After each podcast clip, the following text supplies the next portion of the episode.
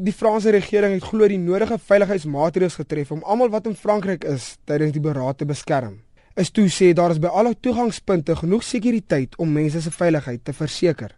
The police and also the army has been deployed to help secure every critical uh, site in France. So that includes, of course, the airports, the train stations, and every other place where there could be a threat. So that includes churches, uh, mosques, synagogues, and also schools, of course, and universities.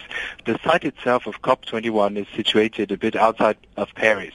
Uh, the responsibility for the site itself is in the, the jurisdiction of the uh, United Nations. So the UN also has its own security service for the conference, and the French police is of course helping a lot. Daar is ongeveer 40000 afgevaardigdes waaronder verskeie staatshoofde is. Is toe glo die afgevaardigdes wou nie die Franse regering se harde werk en beplanning ontwrig nie. Because we've been preparing for this conference for, for months, you know, for years, I should say, because it all started, you know, years ago in Durban to decide to have this very important meeting. So we've decided to, to keep it. And I have to say that our international partners showed a very strong confidence in our authority to organize it because before the attacks, we got 100 something heads of state who confirmed their participation in COP. And then after the attacks, we've reached 150 heads of state to participate in the first day. Dit was Vincent Estu, die Franse ambassade se woordvoerder. Intussen sê Jasmine Opperman, die direkteur van navorsing en ontleding van Consortium vir Terreur, dat die terreurgroep ISIS boonop reeds al doelwit in Frankryk bereik het. Ek dink dat daar is 'n baie duidelike boodskap wat ook vir die Franse regering uitgegaan het. Laat ISIS nie daarin sal slaag om die alledaagse lewe in Frankryk te ontwrig nie. Dat Frankryk sal voortgaan die boodskap tuis te bring dat Frankryk steeds 'n veilige staat is en uh, dat hulle nie ontwrig sal word deur die aanvalle nie.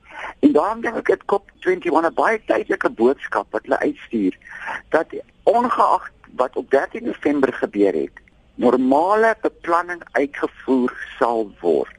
Jasmine, dink jy nie dat ISIS hulle doel bereik het in Frankryk nie? In Frankryk onthou dit ons 'n uh, uh, tipe van 'n noodtoestand. Ons praat van 120 000 polisie en weermagsoldate wat ontplooi is. Ons praat van 'n uh, alledaagse gesig nou, polisie op die straat, weermag op die straat, vol bewapen. So aan die een kant het Parys die regte besluit geneem. So dink jy die beraad is veilig? Weet jy wat? Die beraad self, waar die beraad self plaasvind, is geweldige veiligheidsmaatreëls in plek gestel. As mens gaan kyk na die mense wat dit gaan bywoon, die proses wat vooraf plaasvind, die ontplooiing van soldate, ek ek glo nie 'n aanval op die beraad self is 'n sterk waarskynlikheid nie. En selfs ook sulke groot berade was tog nooit regtig geteken nie. Ek wil jou terugvat na 2005 in Londen met die G8 beraad wat plaasgevind het.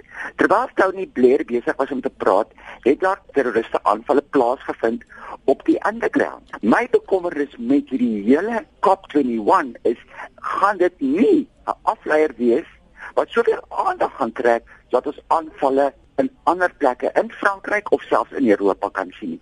En ongelukkig as ISIS sulke beplanning sou doen, sal dit maande reeds vooraf aan plek gestel gewees het, sal die mense al reeds binne in sekere lande ontplooi gewees het en reg om die aanval voort te gaan.